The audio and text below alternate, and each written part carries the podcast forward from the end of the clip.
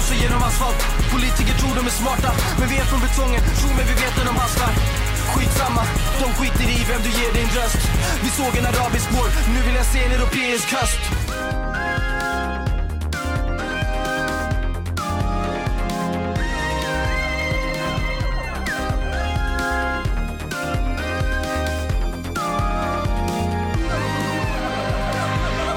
Podden Apans anatomi som nu sänder för publik på eh, Kapsylen. Vi har den här temadagen om katastrof och kamp och nu har vi kommit till punkten om upplopp och upploppsvågor. Då tänkte jag, det finns ju ingen bättre att bjuda in då än Magnus Hörnqvist, kriminolog på Stockholms universitet. Hej Magnus! Hej Mattias! och eh, ja, vi har ju liksom en aktivistbakgrund ihop tillsammans också förr i tiden. Alltså, vi sitter ju i ett rum där man gjorde brand förut, alltså där själva tryckpressen stod för 30 år sedan. Ja. Så det är, kul att vara tillbaka. Ja, vi sa det. Back to the scene of a crime för kvinnologen. Jo, ja, vi gjorde faktiskt också efter Husbyupploppen så gjorde vi ett specialnummer av Brand som vi kallar Upploppsfaran som släpptes som en pocket. Där vi samlade texter, allt från E.P. Thompson om brödupploppen på 1800-talet via fram via olika förortsupplopp som i Watts i USA, vad var det, 66 och Brixton 1981 och LA Riots, Los Angeles 1992 efter Rodney King. Vad hade vi mer? Vi gick fram till frans ja, franska förortsrevolten, har varit 2005 tror jag det var. Och så fram då till Husby 2013. Och hur kom du in på det här liksom och började titta på upploppshistoria och upploppen? Alltså det var ju efter Husby. Eh, det var ju 2013, jag tror att eh, det var ungefär vid den här tiden på året, lite tidigare i mitten på maj så, så var polisen och sköt ihjäl en kille i Husby. Och eh, det skedde när folk, var jättemycket folk runt lägenheten. Och de bar ut honom på en bår, alla kunde se att han var död och de, de, då sa polisen att eh, Nej, men han, vi har tagit honom till sjukhus, han är lite skadad bara. Och så hände det ingenting så hände det ingenting och så hände det ingenting och sen efter fem dagar ungefär, då small det. Och det är ungefär så det brukar se ut. Det är en sån här händelse. Här på Södermalm, de här potatisupploppen 1917 eller alla de här som du nämnde så är det ju oftast en händelse eh, som utlöser det hela. Eh, och nu i påskas då med Rasmus Paludan som skulle bränna Koranen eh, i Norrköping och Örebro och andra ställen. Att det blir en tändande gnista. Och kanske inte direkt, men efter någon dag i Tottenham 2011 i London. Alltså det, är, det är någonting som är otroligt intressant med det här. För det är ju inte, det är inte någon politisk rörelse som ligger bakom det här. Men det är ju inte opolitiskt heller. Och det där funderade vi Vi kände oss väldigt berörda. Alltså jag jobbar ju på Stockholms universitet. Pratade med alla mina kollegor, vi pratade runt, liksom, vi måste göra någonting, vi måste åka ut och prata med folk vad det är som händer. För att ni kan ju tänka er hur det såg ut i mediediskussionen, alltså det var, Fredrik Reinfeldt var ju statsminister och pratade om goda och onda som bodde i Husby. Och de goda krafterna i Husby, det gällde att stötta de goda krafterna och de onda var ju de som gjorde de här sakerna mot polisen på gatan. Och det pågick ju inte en natt, utan det pågick ju tre nätter med oförminskad intensitet på nätterna. Och så började det liksom plana fjärde, femte. Liksom. Och ofta ser det ut så, det var samma i London, det är liksom tre nätter. 2005 i Paris, eller hela Frankrike, så höll det på i tre veckor. Och det var inte någon så här politisk rörelse som stod bakom där och det var jätteintressant tyckte vi. Eller jag i alla fall tyckte det var skitintressant. Alltså varför gör människor så här? Alltså varför blir det här liksom reaktionen? För att om man går tillbaks till slutet på maj 2013 i Husby så kände ju folk, alltså socialtjänsten, polisen som jobbade där polisen, Västerortspolisen hade ju liksom ett temaprojekt mot social oro. Så de ordnade ju så grillfester så för att liksom, de fattade ju att det kommer ju hända någonting. Men sen så var det en, en dag när de, det var hockeyfinal i Globen, VM-final och, och, och, då trodde de att men, det, det, är lugnt, det är hockeyfinal, men det var ingen i Husby som var intresserad av hockey. Så då gick de ut och, på gatan och sen så i den här interaktionen med polisen, de liksom blev kallade för apor och allt möjligt så här. I den interaktionen så växer det här som bara, liksom, som, de, som bara pågår, som har ett något slags, nästan eget liv. Men när ni skulle gå ut och börja studera de här upploppen, vad hämtar ni inspiration från? Ja, då var det ju väldigt mycket den här Reading the Riots från, från London-kravallerna som var 2011. För att det var ju, jag vet inte om ni minns, men det var jättemassivt, det var en liknande händelse. Polisen sköt, sköt ihjäl en, en lokal halvkriminell eh, kille i Tottenham som, och det eskalerar och sprider sig över stora delar av London, de här kravallerna. Och man, man plund, det som skiljer sig också från Husby är att man plundrar. Och det som The Guardian gjorde, den stora tidningen och London School of Economics, det var att de gick ut och pratade med människor. Och så här, varför? Och det var precis det vi gjorde också. Så här. Vi ställde samman, vi bara plankade deras koncept. Så här. Vi, vi åker ut dit och så åkte vi till Husbyträff och så satte vi oss där.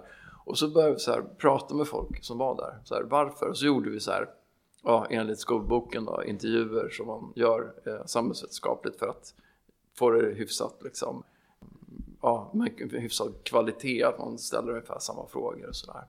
Men det var egentligen bara som att trycka på en knapp. Så fick vi egentligen samma berättelse från alla vi pratade med. Och vi pratade ju inte med de som hade gjort det, utan vi pratade med folk som bodde där. Och det växte ju fram en jättespännande bild liksom, i, ur de här intervjuerna. Och det är för, för att koppla tillbaks till det samtal som var precis innan oss här. Så, så då pratade vi om Egypten och de här brödpriserna. Att, att man pratade om en, en, röd linje. Och det som var diskussionen som, som vi tog inspiration ifrån eh, med E.P. Thompson. Det var ju då en, en diskussion på 1960-talet och början på 1970-talet mellan brittiska marxistiska historiker där vissa menar att folk gör uppror när de är hungriga.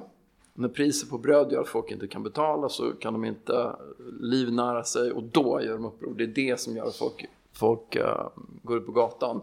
Han menade ju tvärtom att det, har ju, det, är, det är inte riktigt för att folk är hungriga som de gör uppror utan det är ju för att de känner sig svikna. Alltså det är förhoppningar på eh, samhället och på livet. De är inte, alltså folk i Husby är inte hungriga. Folk i Husby är ju inte arbetslösa de flesta eller har det jättefattigt på någon så absolut nivå. Utan det är ju så här i förhållande till vad man förväntar sig av livet och samhället. Och de och du får gärna avbryta du har frågor. Men, men det var liksom så här, det det kom fram till, och det är det ofta man kommer, alltså som man, när man studerar det som kallas för välfärdsstaten, det är att vänstern säger oftast välfärdsstaten är liksom död. Men den lever i Husby, alltså i huvudet på människor som bor i Husby upptäckte vi. Alltså den här föreställningen om att, att man har som medborgare i Sverige rätten till en skola, man har rätten till ett eh, bostäder eh, med, med någon slags standard, man har rätt till sjukförsäkring och det, så här, det. Och det var det man pratade om, fast man pratade om det på det här sättet att vi hade Arbetsförmedlingen här i Husby, den har de flyttat ut härifrån. Vi hade bankkontor i Husby, det har de flyttat ut här. Skolan i Husby är jättedålig, titta på Kista, Kista har jättebra skolor. Så det var någon slags samhällskontrakt som man upplevde hade svikits. Och varför mot polisen då? Alltså varför riktar sig den här vreden mot polisen och inte mot lokalpolitikerna? För vi satt ju också med på sådana möten med lokalpolitiker där de liksom ja det var ju moderatstyre då där och då på, på pizzerian så, så de, alla moderatpolitiker de bara sa så här, vi vet ni har rätt liksom. För att de, de, de har ju ingen makt, utan de som har makt där i, och som man ser som representanter för någon slags myndighets-Sverige, det är ju polisen. Det är inte Arbetsförmedlingen, det är inte skolan, utan för det är sånt som har flyttat ut och och fritidsgårdar och sånt där. Det, är liksom, det var också okej, okay, Kista så fanns det reaktor. Men, men liksom, det var polisen som man, det var därför man blev arg liksom, på polisen. Medan man på, i slutet på 1700-talet i, i, i, Storbritannien blev arg på mjölnaren. För att det var på, alltså på torget som man mötte de här höga brödpriserna. Och det var liksom inte premiärministern eller kungen utan det var mjölnaren som man blev arg på. Mm. För jag tänker det här att det inte var någon organisation som var bakom upploppen. Att det har ju varit efter påskupploppen har det ju varit väldigt så här, letande efter vem var det? För det här skedde för snabbt och de till synes för välorganiserat för att försöka hitta en aktör. Att är det någon källarmoskéer? Är det jihadister? Är det kriminella grupper? Som... Så att det, ena sidan vill man hitta den där strukturen, några att skylla på. Liksom under Rosengårdskravallerna, då var ju också, kom det, var väl Magnus Ranstorp som släppte den här rapporten där han gick igenom källarmoskéernas betydelse för det. Så här. Men å andra sidan så har vi ju också det här äh, att jag var inblandad i stadsdelsorganisering på den här tiden. Vi hade en våg av husockupationer igen i Sverige och vi började organiseras på linje 17 och linje 19 och det var Aspuddsbadet ockuperades det och så ockuperades det i Rinkeby Sen någonstans där så bildades megafonen och det fanns också de här trotskisterna, Rättvisepartiet Socialisterna, är många som bor kring Husby. Att Husby var ju inte den mest utsatta miljonprogramsområdet utan det var det mest välorganiserade miljonprogramsområdet kan man säga. Plus att det också levde i en väldigt stor kontrast till att Kista är en station bort. Det är, det är samma del så att du har den urbana fronten kan man säga går där mellan var eh, liksom stan håller på att expandera och var de boende någonstans också har gjort mycket motstånd mot så här, ombildning av marknadshyror. Så där verkar ju ändå finnas någon så här ja, koppling. Det, det, där är, det där är jätteintressant därför att vi säger Husby 2013 men jag tror att det var tio stadsdelar runt Stockholm och Södertörn skulle också, högskolan där skulle göra, också göra en liknande grej som vi gjorde på SU. Men söder om stan, för det var jättemycket söder om stan också i Botkyrka och andra ställen. Så det, det var liksom bara så att det blir tydligt att det inte bara, det var inte bara Husby. Men, men det är jätteintressant att som du säger att det fanns en miljö och historia i Husby som gjorde att det fanns en jordmån för det här samtidigt som både vänstern och högern letade ju efter grupper som var ansvariga eller som man kunde, liksom, antingen som man kunde klanka ner på eller som man kunde hylla. Alltså, vänstern ville se megafonen som liksom de som drev det här eller, och samma egentligen på högern som också försökte se megafonen. Men, men, men det var, Megafon hade ingenting med det där att göra förutom att de i likhet med massvis med andra lokala föreningar, alltså eh, moskéer, det här de har varit flera år man har jobbat med hyres, eh, det här renovräkningar och demokratiprojekt. Alltså det fanns ett enormt starkt, som du var inne på, civilsamhälle i, i Husby som var liksom någon slags jordmån för de här förväntningarna. Men, men ur mitt perspektiv och det som jag gick igång på. jag tycker den, den delen måste man verkligen ha med. Men, men det som jag kan liksom fascineras över än idag är ju att det här är ingen för, för, om man tittar också konkret, vilka var det? Ja, men det var killar, mestadels unga killar, 20-25 år, eh, som, som var ute och kastade sten. Sen så tyckte de ungefär likadant allihopa som vi pratade med, med några undantag. Men det som är, blir det intressanta är ju att det här är någon slags alltså, historien bakom ryggen på aktörerna. Att det, mm. finns, det finns ingen aktör här som man kan peka, det finns ingen, med, liksom ingen plan det finns ingen grupp som har organiserat det här utan det, det händer spontant. Givet de här förutsättningarna med ett, starkt civilsamhälle, en, en levande tanke om välfärdsstaten, en dödsskjutning eller motsvarande koranbränning, någon slags tändande gnista. Den kombinationen är under säkert andra liksom, eh, omständigheter också leder till kravaller i Watts, i alla de här ställena. Mm.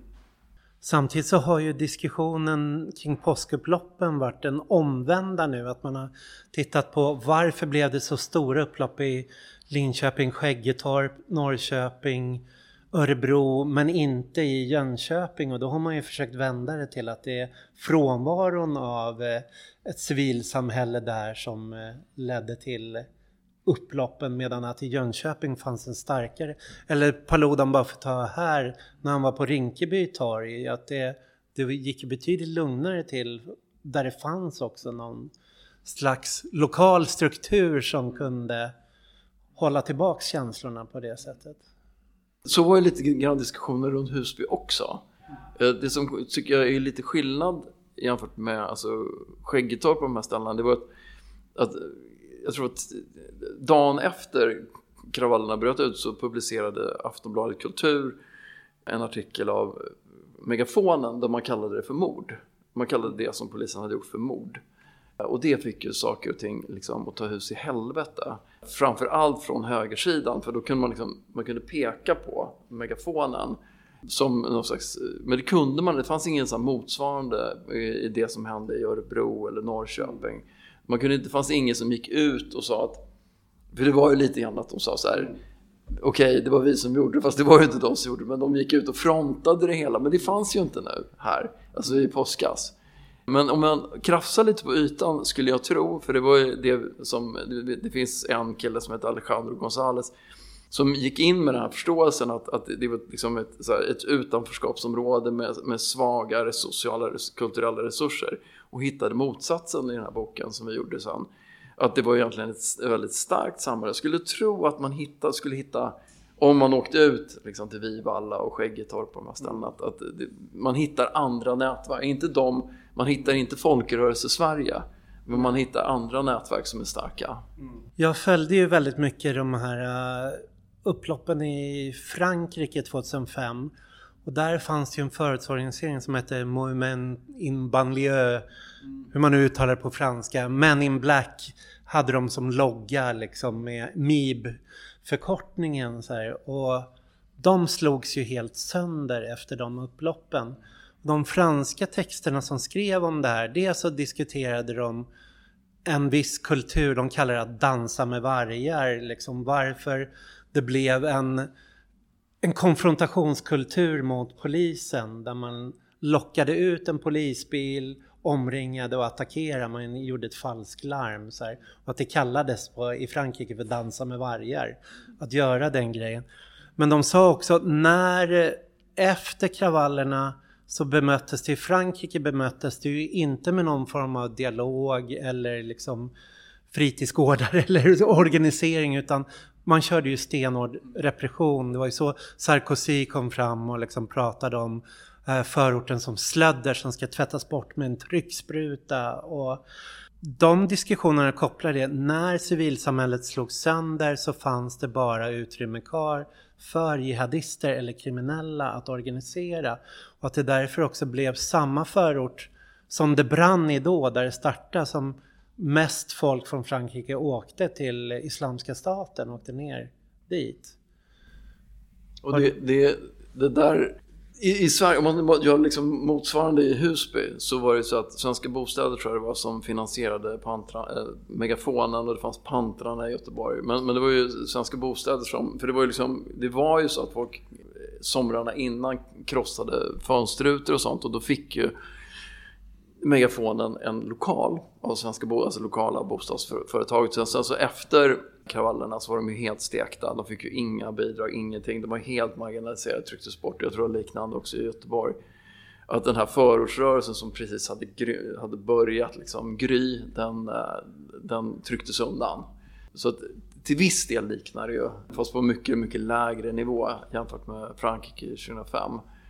Men det här för, för man drar vidare historien att Husby idag jättemycket skjutningar, det här IS-krigare, folk åker, alltså det är lite så här, det kan ta sig lite, alltså vilka, inte vilka utlopp som helst, men det kan ta sig väldigt olika utlopp, det här liksom, den här tryckkokaren, eller hur man nu vill beskriva, att man har sina, liksom, man har väldigt bestämda förväntningar på livet, samhället, man får dem krossade varje dag, man blir stannad, muddrad, man, man ser att det ser helt annorlunda ut i Kista.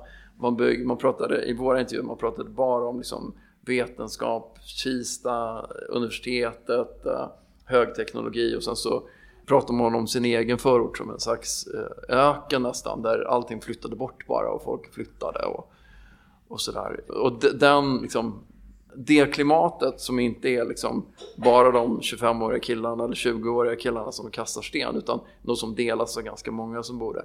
Den ambitionen eller, eller liksom mixen kan ta sig olika uttryck, mm. tror jag.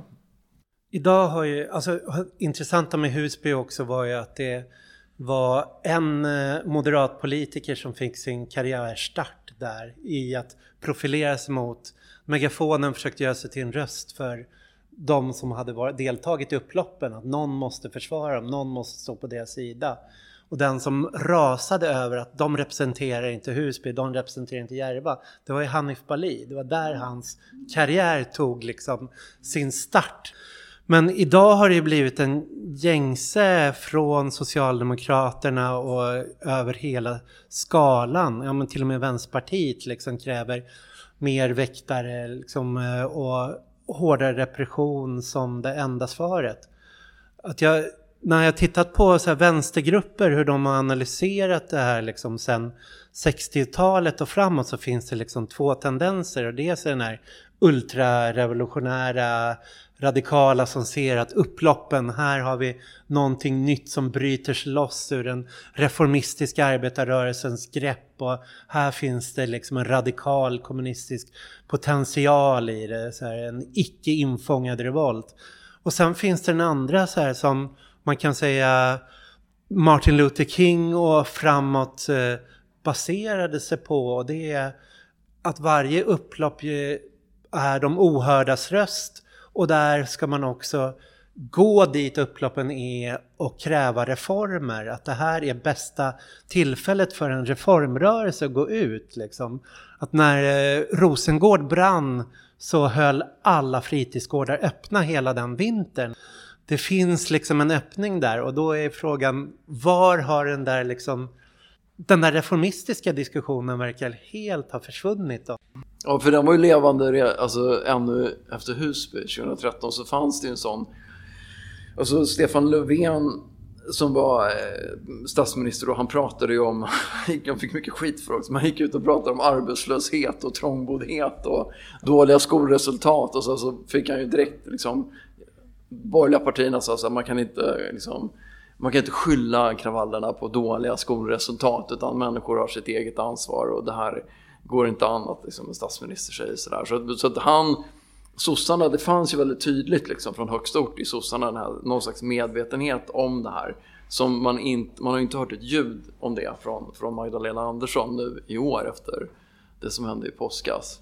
Jag tänker också att Husby Upploppen skedde också i en generell slags antirasistisk våg i samband med det. Att vi hade de här nazistiska händelserna i Malmö och Kärrtorp som gav upphov till Kämpa Malmö och Kärrtorp-manifestationen. Den organisationen jag var aktiv i, Allt åt alla, fick en väldig skjuts av det här. Men även Feministiskt initiativ fick en skjuts av det. Och det var de här REVA-protesterna. och det här sammanföll mycket med rörelser i hela Europa då. Efter ekonomiska krisen så kom det som sen la kanske grunden till Corbyn och Sanders kampanj. Men med Occupy, här blev det väldigt eh, det blev, handlade inte om krisprotester utan det handlade om antirasism som blev så central fråga. Och det är också förvånande över hur lite Vänsterpartiet och sådana lyckades knyta an till den här för i andra länder blev det här en skjuts för liksom vänsterpopulismen, Corbyn, Sanders, Podemos, Syriza. Alla liksom någonstans lyftes ur det här. Men här var det det, det fångades inte upp på något sätt. Nej, men det, och det, jag tror inte det går att fånga upp på något liksom direkt sätt. Alltså man kan inte knyta an, alltså ingen politisk kraft kan egentligen knyta an direkt till det som hände direkt efter 20, alltså 2013 i, i Husby. För att alltså vem, vem ska man prata med? Det var liksom, det var ingen som greps nästan. Alltså det, det hände jättemycket grejer men, men det var liksom någon var det som greps som var liksom halvperifer men ingen av dem som liksom ordnade eller var drivande i upploppen greps någonsin. För att liksom, ingen pratade och, och då, polisen hade ingen chans heller riktigt i de där äh, gångvägarna som de egentligen bara de boende kände, kände till. Och så. så det fanns en kontext där det fanns en legitimitet. Men det fanns liksom ingen att, att prata med för det var, liksom, den hade ju blivit nedskjuten direkt i offentligheten. Den megafonen, de, de tog ju den liksom, rollen lite grann men, men de, de kunde inte, de blev, alltså de sköts också ner, alltså rent de var inte alls samma kraft före och efter Husby. Utan de var en kraft jättestark politisk kraft där ute före Husby men inte efter tyvärr. Mm. Med researchgruppen som jag jobbade med gjorde ju vi en lite lustig grej där. Vi kom på att man alla poliser som började dyka upp på Twitter och ha offentliga konton i sociala medier och kommunicera, de gjorde ju det i sin myndighetsutövning. Så man kunde beställa ut deras privata meddelanden för att det var ju kontakt med en myndighetsperson. Så vi beställde ut allting under eh, Husbykravallerna sen och fick ut kommunikationschefen för polisen som heter Varg Gylander, ett perfekt snutnamn. Som också är, han eh, skriver deckarböcker och han utvecklade ju en ny kommunikationsform för polisen som de tillämpade i Husby. Det var där de var deras första prov och testade den. Och då hade han en modell som han kallade blåpixling. Och det är att han tänkte sig en bild alla kritiska röster, megafonen, Kajsa Ekis Ekman skrev en text etc. Alla sådana var röda pixlar som tändes på, på en skärm som gav bilden av polisen orsakade kravallerna. Det här berodde på liksom segregering, arbetslöshet. Och då var polisens uppgift var att tända blåa pixlar som skulle förändra bilden och bara ha en central polistalesman det tänder bara en lampa och han kanske kan uttala sig i tio tidningar. Men om du gör om hela polisorganisationen till en mediastruktur så att du får varje polis på gatan att få riktlinjer. Att du ska ha det här budskapet, sen får du uttala dig vad som helst. Du får, du får twittra, du får lägga ut bilder, gärna söta bilder på din polishund liksom. Du får beskriva hur rädd du var. Så tände du massor med blåa pixlar så där testade de att tillämpa mm. den här modellen i första full skala. Och det, och det var ju, en, det var ju särskilt en, ett Facebook-inlägg som fick vingar. Det var ju en brandman som kom hem och så, så la han in på Facebook direkt efter ett, ett nattpass. Så han sa, jag, he, hela, jag har jobbat hela natten här med att försöka släcka brand, jag förstår inte. Och så får, jag är ju brandman och de kastar sten på mig, jag förstår ingenting. Och han blev den här liksom vanliga, som kämpande svenska myndighets... Alltså han stod ju för myndighets-Sverige som det var synd om. Och han fick ju så mycket sympati i media förstås.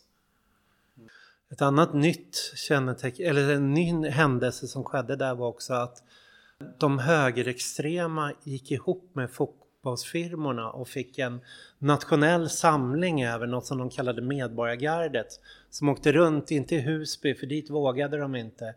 Utan de åkte ut till Stockholms södra förorter och de, det var några perifera liksom från Bayerns firmor och sen så var det mer centrala från Djurgårdens firmor. Men de ville inte bjuda in liksom eh, AIKs firmor för de var nog ute i Husby och kastade sten tyckte de att, att det liksom AIK hade starkt fäste där liksom i, i Husby liksom. Så de åkte runt, de åkte, tog sig ut till Bredäng bland annat och liksom sökte sökte konfrontationer. Det här liksom har skett vid några sådana tillfällen sen. Det kom under flyktingvågen 2015. 2016 så gjorde de en ny sån här samling och under Black Lives Matter när Ja, det var också bara en, en influencer som skrev att man borde välta Linné-statyn. Då, då samlades återigen firmorna och gick och ställde sig där och, framför. Och de, de där ryktena de nådde ju Husby också. Det var ju faktiskt en av anledningarna, jag tror att det är tredje natten, att det var fortfarande igång kravallerna. För att man väntade ju alla nassarna och rasisterna som skulle komma från innerstan. För de har ju snappat upp det här från firmorna. Att de hade, det finns en, en händelse i en fritidsgård när nassarna gick in söder om stan. Och den, den här historien, det är egentligen bara en historia, men den hade liksom folk nåtts av och de bara låg och väntade på att folk skulle komma dit. Så då låg, ja, de var ute. Det var en anledning att vara ute för att det fanns också, alltså under tredje natten så, så fanns det en väldigt utbredd känsla av att, att det räcker. Mm. Det räcker. Alltså de, de, hade gjort ett statement. Det var ingen som trodde att man skulle ändra någonting. Utan man ville göra ett statement. Det var, det var liksom en, en väldigt en, en så påtaglig känsla av att, att, att vi har sagt vad vi vill säga. Och det är också intressant apropå Varg Nylander, för jag träffade faktiskt Varg Nylander i en tv-studio.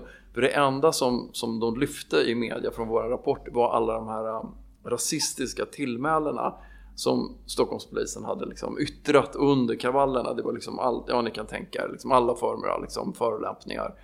Och det hade vi liksom skrivit ner i exakt vad det så här, och det tog man, man, tog man upp och då mötte jag Varg Nylander och Mats Löving som inte hade några som helst problem med rasismen. Eh, det sa han till och med i sändning, så att Mats Löfving som är, han är nummer två inom polisen idag, att, så här, att det är sånt som sker, liksom, citat, i stridens hetta, att man, liksom, man är precis så här, liksom, man, man, säger precis de här sakerna, det är inga problem med det.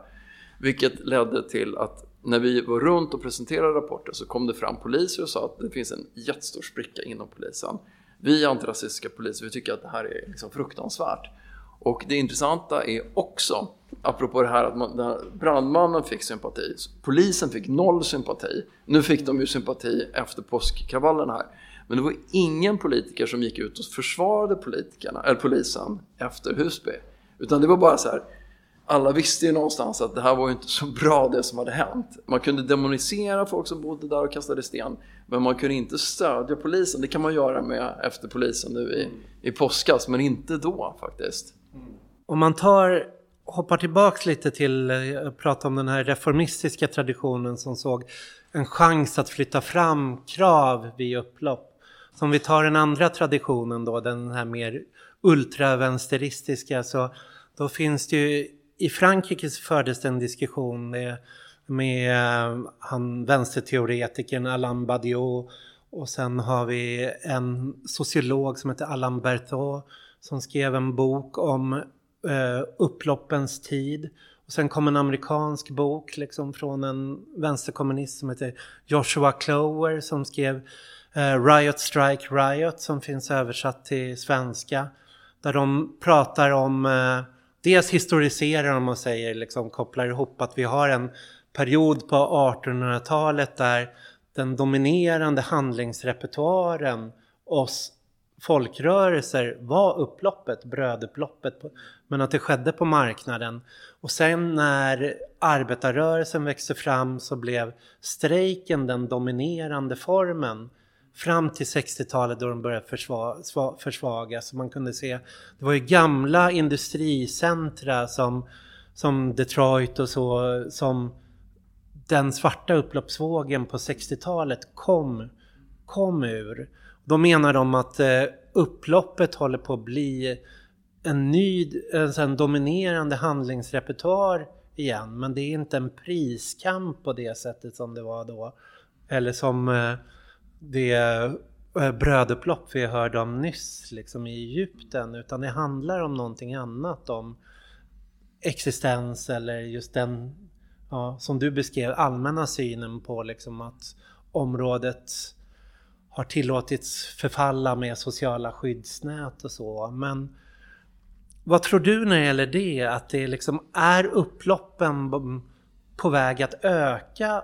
Och i sådana fall, liksom, hur ska man förhålla sig till det? För att om alla vänsterkrafter, alla radikala krafter ställer sig avvisande till det, liksom, är det kommer det där liksom hitta någon form av politisk form eller är det Ja, det är ju faktiskt den centrala frågan. Ja. Faktiskt, det är ju den helt centrala frågan. Och, och liksom, jag, jag, kan inte svara på det, jag måste svara liksom lite indirekt. För jag tänker att den dominerande formen att se på upplopp är det som Ip Thompson står för. Alltså den traditionella marxistiska. Det här är, han kallar det för klasskamp utan klasser. Sen så kom det liksom en, en liksom ett industriproletariat som kunde organisera sig och föra fram medvetna krav. Det här var liksom innan, det var liksom ett embryo. Det var ju som en, en primit, som han såg det, eller som man är den traditionella vänsterhandeln, liksom, det är en primitiv form av, av kamp eftersom den inte är medveten utan den är spontan. Och sen så har vi den andra sidan då som är den här insurrektionistiska eller, eller som också fanns många som efter Husby sa att det här är en ny social rättviserörelse som föds, som, som det här är nya tiden. Så här. Min, alltså, och nu är det min position då, liksom, hur, hur, ser jag på det här? Jag, jag tänker på att när på 80-talet så pratade man jättemycket om så här IMF riots i Nordafrika, de här strukturanpassningsprogrammen och så räknade folk antalet brödupplopp i Tunisien, Egypten, i hela Nordafrika, Nordafrika. Och då kunde man se att det fanns en ökning.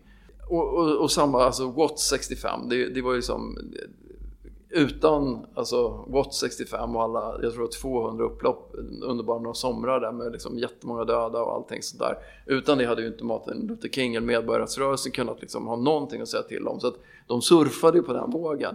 Men, men jag kan inte se att det är någon, egentligen någon tendens att det blir mer eller mindre eller, eller att jag tror att det här är liksom en en konsekvent, eller liksom, det finns alltid den här möjligheten och det kommer alltid att, att jag kan inte se att det ökar eller minskar, men det, det kommer all, man kommer alltid att ha, behöva räkna med det här som en möjlighet från alltså vårat håll och jag tror att man in från regeringskansliets håll också räknar med det.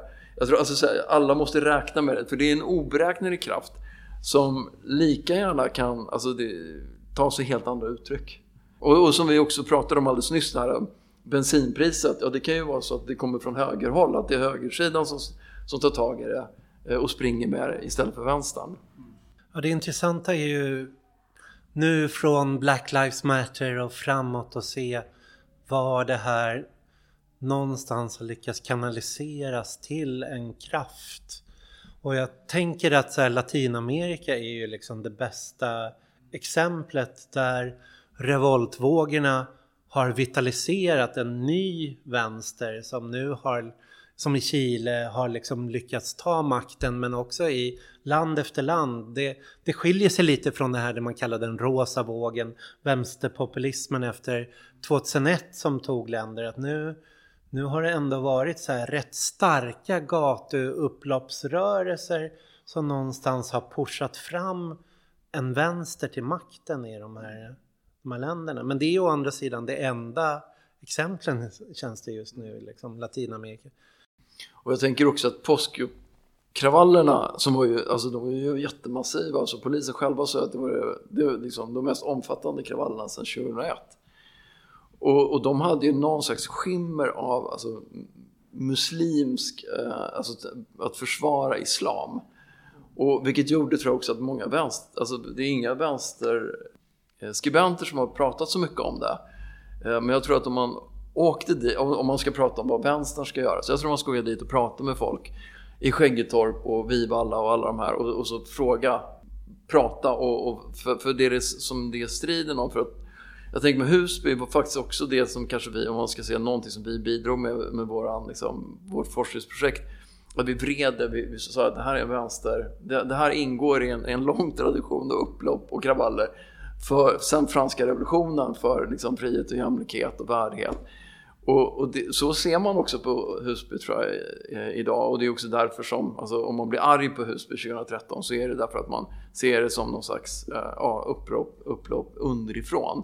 Vilket man inte ser på påskupploppen utan det är något så här, det kommer från sidan, det är, det är muslimer, de samlas någon annanstans och försvarar sin tro. Eh, och det är mycket mer ambivalent. Och de kastar sten på polisen och varför gör de det? Jo, för att de är liksom arga för att det handlar om deras tro, vilket jag inte, jag delar ju inte den synen. Jag tror att om man pratar med dem så skulle man också se att det handlar om samma saker i Skäggetorp som i Husby. Fast jag kan inte säga det för att jag har inte pratat med dem, men någon måste göra det, mm. tänker jag. Ja, det är tråkigt alltid vara den här vänstern som säger It's complicated, men jag kommer ihåg när vi tittade på Black Lives Matter och jag har gjort några poddavsnitt om det också. Att eh, i Sverige så har ju alltid Black Lives Matter beskrivits som en organisation. Och även det som var Black Lives Matter Sverige har beskrivits som en organisation.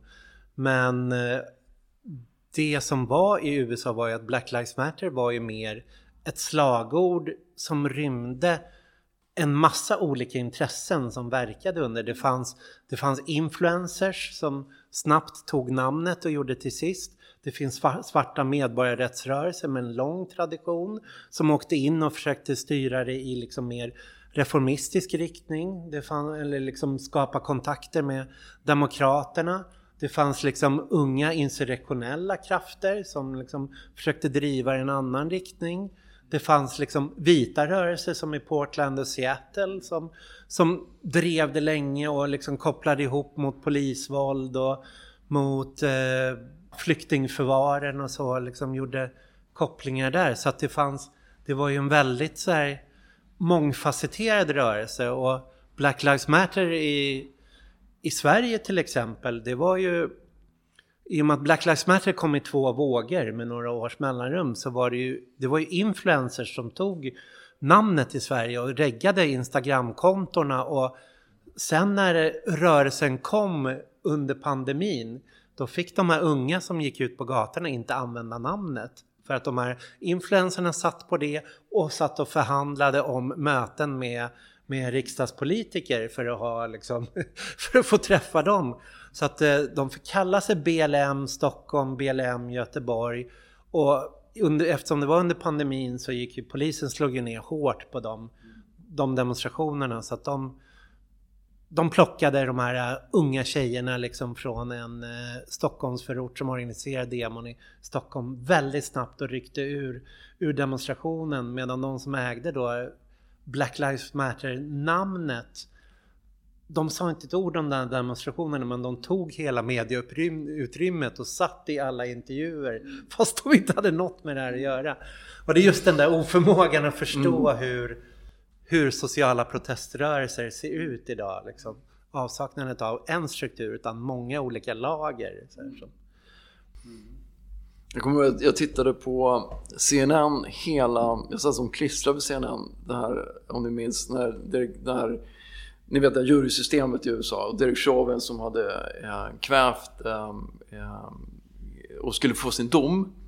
Eh, och alla så här, kommer det bli en fällande dom eller kommer det att bli en friande dom?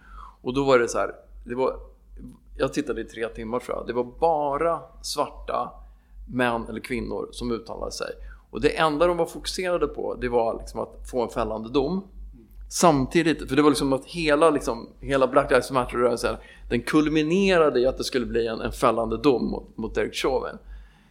Samtidigt som, det, är, alltså det här är CNN, det är så mainstream som det kan bli. Samtidigt som, vad är det de pratar om? Jo, de pratar om slaveriet, kolonialismen, medborgarrättsrörelsen på det här otroligt vältaliga amerikanska sättet. Så att det är liksom, man, bara, man får värsta så här historielektionen samtidigt. Så det är så här, de pratar om att man måste få bort den här strafffriheten, liksom impunity. Det är ingen strafffrihet för vita poliser. Så. Men, och det är ett väldigt begränsat krav. Men samtidigt så fanns det också alla de här andra aspekterna av det och defund the police och allting. Så det, det, det är, så här, det, det, är en kraft som det är inte så lätt att kontrollera om man säger så.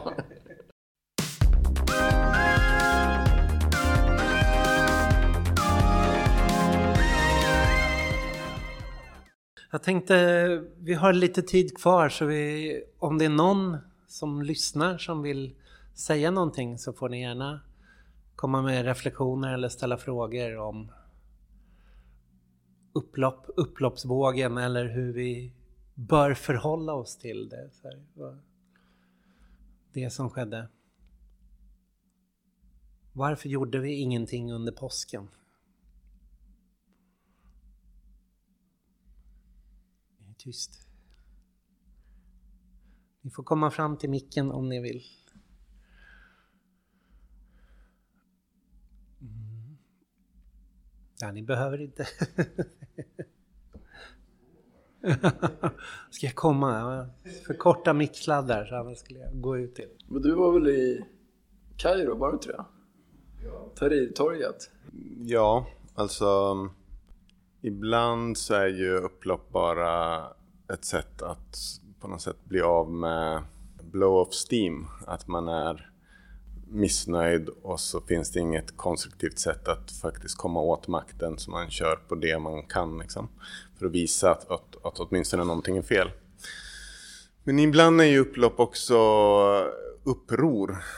Um, så jag tog mig till Kairo för att jag hoppades att det var liksom att det skulle finnas en chans att upproret blev mera eh, skulle ha en större chans att vinna. Och någonstans bara för att jag hade varit i ISM-rörelsen i Palestina så tänkte jag att regimen skulle skjuta mindre på oss om det fanns uppenbara så här blonda turister som jag i bland de som protesterade. Det, sen, sen, var det ju så att de alltid anföll in på natten när det var helt kolsvart. Så det, de, de såg inte skillnad på mig och någon annan. Så jag kunde inte liksom vara den där europeiska skölden som jag hade hoppats på. Men eh, jag vet inte riktigt vad jag ska säga om eh, mera om... Eh... Men, men, jag kommer ihåg att du talade efter territoriet och sa att, så att det här är du, det här är en del av en längre tradition och sådana saker. Ah, ja, den, den här som, vi, som det diskuterades, eh, som Tord tog upp om att det här skulle handla om Twitter eller Facebook eller någonting. Att det naturligtvis inte, var, inte är så utan att västerländsk journalistik är väldigt eh, som en strålkastare och väljer när man ska bry sig om någonting eller inte. Om det har varit 50 års eh, liksom, vilda strejker och olika eh, uppror så spelar inte det någon roll. Men när det blir äm, arabiska våren så är det plötsligt äh, väldigt intressant. Ett, åtminstone ett kort, tid, ett kort men man har väldigt sällan liksom långa Ehm, historien bakom det. Det var väl kanske det jag ville få in i när de, de ringde väl från svensk media till mig just för att eh, vi inte var så mycket svenskar på plats. Jag har faktiskt en annan fråga till dig Jonathan. För jag tänker någonstans så har upploppen en välordnad lilla syster. Och det är blockaderna, blockaderna, torgockupationerna. Eh, där upploppen någonstans sker som en explosion efter någon händelse har inträffat. Det sker ofta utanför polishuset. Det sker lokalt.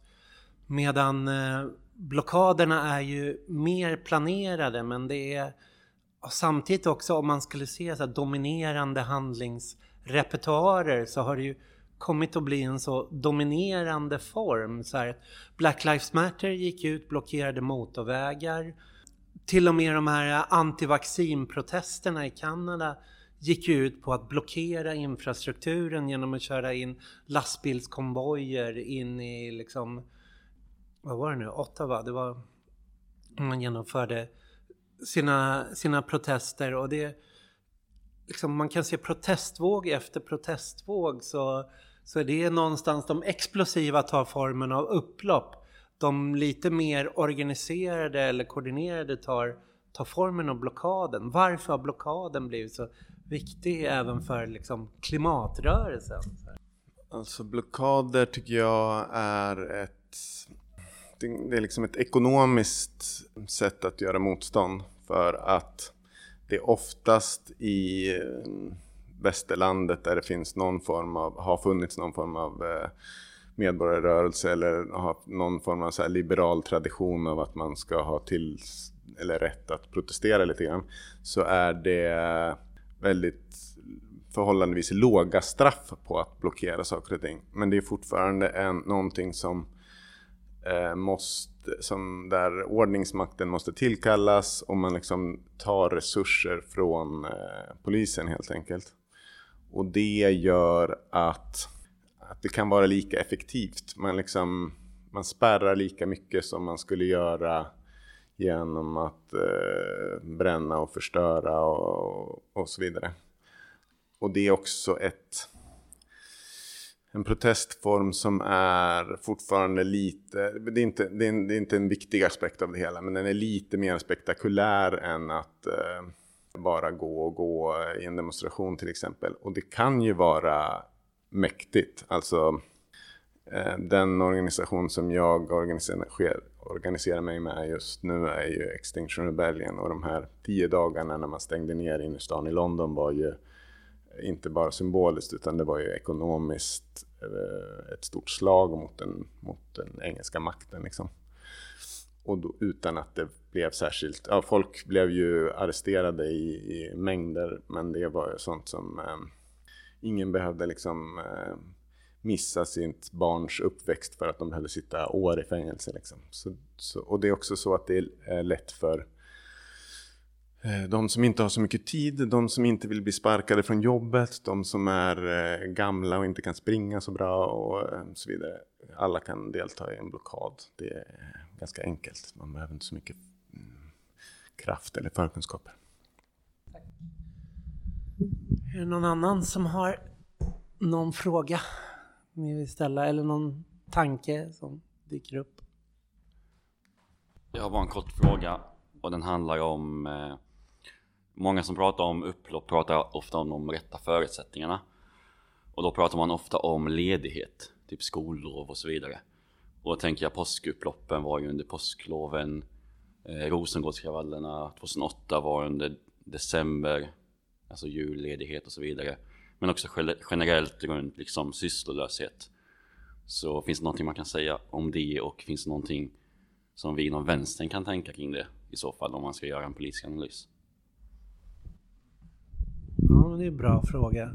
Det är ju faktiskt eh, någonstans, jag brukar inte säga att vi fick Vattenfestivalen på grund av Kungsankravallerna. Liksom, att Kungsankravallerna var sista veckan på sommarlovet där liksom sommarlovet på väg att ta slut, all, det var slut på eh, semester ändå och alla drog in till stan och hängde och så räckte det liksom att någon punkare tände eld på en kompis till oss tror jag. tände eld på en papperskorg.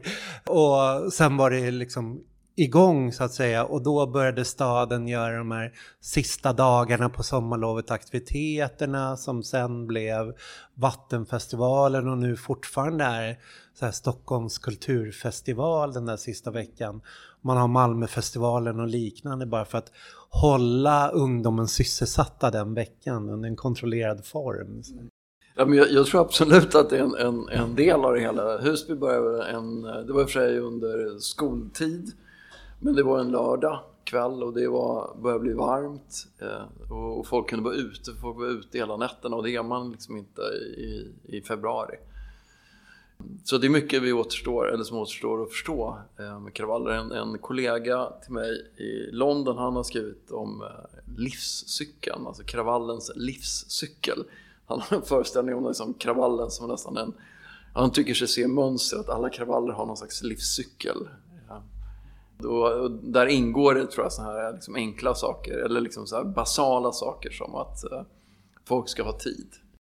Det finns ju en annan så här, ultraradikal vänstertradition också som har, som har tittat på eh, varuformen liksom, från situationisterna och framåt. Om, och det var ju också väldigt stor diskussion efter, efter London och de senaste brittiska kravallerna, just det där plundringen under upplopp. Om eh, hur plundringen blir så central att all, situationisternas teori var ju att vi matas med en massa begär efter saker som vi inte kan få men som vi får reklam för överallt. Och så vi eftersträvar de där äh, lyxvarorna, statusvarorna men de går inte, liksom, är inte ekonomiskt rimliga för oss att köpa. Och upploppet blir det tillfället där liksom varuformen angrips på det sättet i försök att liksom... I Watts konstaterar de att folk släpper hem kylskåp liksom ur butiker trots att de inte hade el hemma och liksom sådana exempel. Mm. Men märkeskläderna ja. som rånades i London. Det, det, där var ju liksom den nästan dominerande diskussionen i media. Alltså förutom sociala medier som någon slags eh, liksom, orsak till det här så var det ju att, att det var också det här blev ju bevis för att de inte var politiska. Det här var liksom den postpolitiska generationen som, som fullständigt liksom struntade i politik och bara var ute efter attraktiva märkesvaror. Så det var liksom det dominerande sättet att, i, i England, skulle jag, som jag, om jag minns det rätt, för att avfärda eh, kravallerna som opolitiska. Det var samma under Reclaim the City-demonstrationerna i Stockholm. Då blev det ju... Man, det plockades upp av medier där liksom. Vi, vi tar... Eh, klockaffären för de har dyrast prylar och så blev det liksom det här är syftet med Reclaim liksom. Tord, en avslutande. Ja, jag har tittat lite på folkrörelsebegreppet i Sverige sedan 1797. Eh, och då är det väldigt tydligt att kravallen är det som definierar folkrörelserna från början. Första gången det nämns är de här beväpnade kvinnorna i Paris då som ju hade högafflar och diverse andra saker för att jaga kungen eh, bort från Versailles. Så, så, så att man märker att det där eh, är, det finns liksom en väldig bredd i det då. Och eh, berömda är ju kravallerna i samband med Karl den XII statyns invigning då. Där vanligt folk hade samlat ihop pengar för att få den där. Han så var en symbol för demokrati då. Och så fick de inte titta på det där och det blev ju tre dagars jättekravaller då för att man inte fick vara med och titta på invigningen. Eh, den roligaste är kanske gesällkravallen i Laholm 1860 Det eh, var ju naturligtvis ingen stor stad, men gesällarna fick ju då inte gå ut på kvällarna och så.